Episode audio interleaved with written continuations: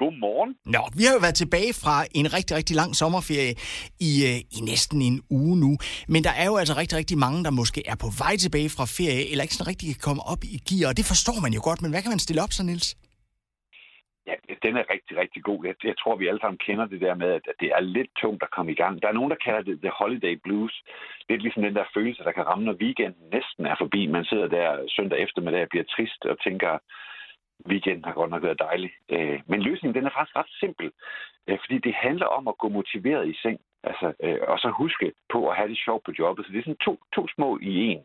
Hvis vi tager det med sengen først.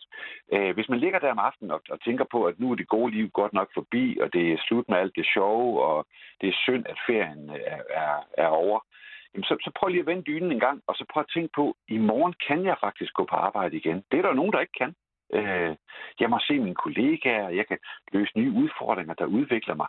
Det bliver faktisk ret sjovt og fedt. Det er jo et job, jeg selv har valgt. Det, kan I høre forskellen? Ja. At, at man ligesom, i stedet for at tænke bagud, så tænker man fremad. Og det kan godt lyde, lyde sådan en lille smule kunstigt for nogen, men det virker faktisk.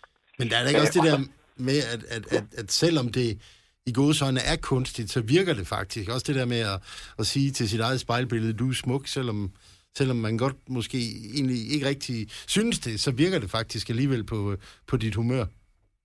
Jo, og det er jo, altså, man kan jo, man kan jo lave koblingen og sige, at hvis det virker godt at tale pænt til andre mennesker, hvorfor skulle det så ikke virke godt at tale pænt til sig selv?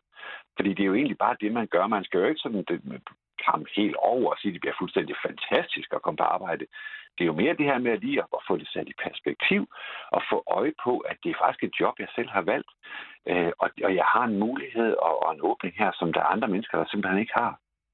Der er vel også det der i, Nils, at man kan vel også sådan, hvis man måske ikke synes, at ens arbejde er det mest inspirerende i verden, så kan man vel finde det næste, man kan glæde sig til og fokusere lidt på det også. Lige præcis. Men man kan altså også godt lige løfte det lidt, og jeg er rigtig glad for, at du tager det op.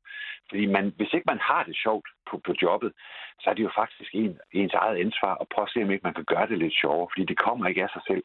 Så det der med lige at fokusere på, især her i de første uger, at jeg skal selv gøre det lidt ekstra sjovt og rart her i starten. Prøv at sætte tid af til at gøre noget sjovt hver dag. Det behøver ikke at være fire timer. Det vil chefen nok ikke synes er en god idé. Det kan være fem minutter, hvor vi lige laver et eller andet, vi kan glæde os til, gerne sammen med kollegaerne. Fordi så vil man opleve, at det spredes, øh, ligesom dårlige vaner spredes, så spredes gode vaner også. Og så har man det at gå og se frem til. Og lige pludselig, så løber man rundt og har det rigtig sjovt på jobbet. Vi har det rigtig, rigtig sjovt, og vi glæder os allerede til, at vi skal snakke med dig igen på fredag. Hvad siger du til det? Jeg glæder mig også rigtig meget, faktisk.